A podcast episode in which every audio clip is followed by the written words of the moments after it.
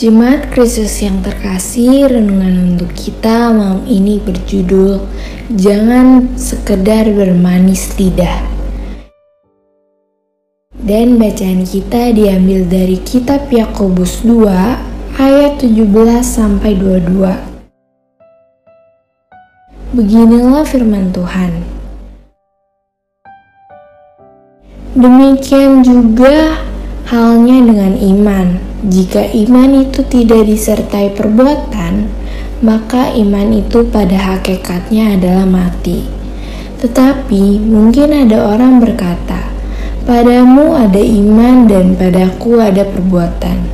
Aku akan menjawab dia, "Tunjukkanlah kepadaku imanmu itu tanpa perbuatan, dan aku akan menunjukkan kepadamu imanku dari perbuatan-perbuatanku." Engkau percaya bahwa hanya ada satu Allah saja, itu baik.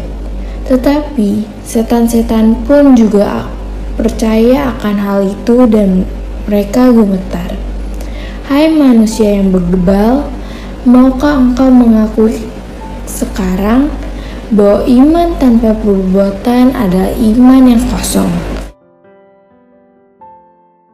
Bukankah Abraham bapa kita dibenarkan karena perbuatan-perbuatannya ketika ia mempersembahkan Ishak anaknya di atas mesbah? Kamu lihat bahwa iman bekerja sama dengan perbuatan-perbuatan dan oleh perbuatan-perbuatan itu iman menjadi sempurna.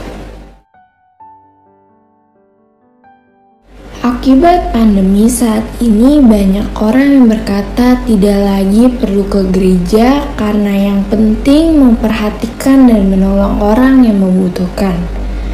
Akibat persekutuan menjadi rapuh dan tidak berkembang dengan baik. Orang Kristen menjadi tidak peduli terhadap hidup persekutuan sehingga semakin hari justru semakin individual walaupun mendaku sebagai orang yang memiliki kepedulian. Begitulah gambaran yang juga terlihat dalam bacaan kita saat ini. Saat orang memisahkan antara iman dan perbuatan, orang merasa hanya perlu beriman, berdoa setiap hari tanpa menutup mata pada sekitar, atau justru sebaliknya berupaya melakukan hal yang baik, tetapi karena tidak dilandasi oleh iman yang baik, maka motivasinya sangat mungkin menjadi salah, tak memiliki landasan yang kuat. Memang betul bahwa semuanya berangkat dari iman, namun kita mesti cermat karena kalau iman yang kita miliki justru menjatuhkan kita dari hidup bermasyarakat dan berrelasi dengan sesama, maka kita perlu memeriksa apakah iman yang kita miliki adalah iman kepada Kristus. Karena bila iman yang kita hidupi tertuju pada Kristus, maka itulah mewujudkan dalam tindakan kita setiap hari. Tindakan yang berasal dari iman kepada Kristus akan membuat tindakan kita bermakna dan berdampak. Sekaligus kita dapat merasakan pertumbuhan iman karena pengenalan yang benar kepada Allah. Jadi, jangan lagi dipisahkan antara iman dan perbuatan. Keduanya berjalan beriringan.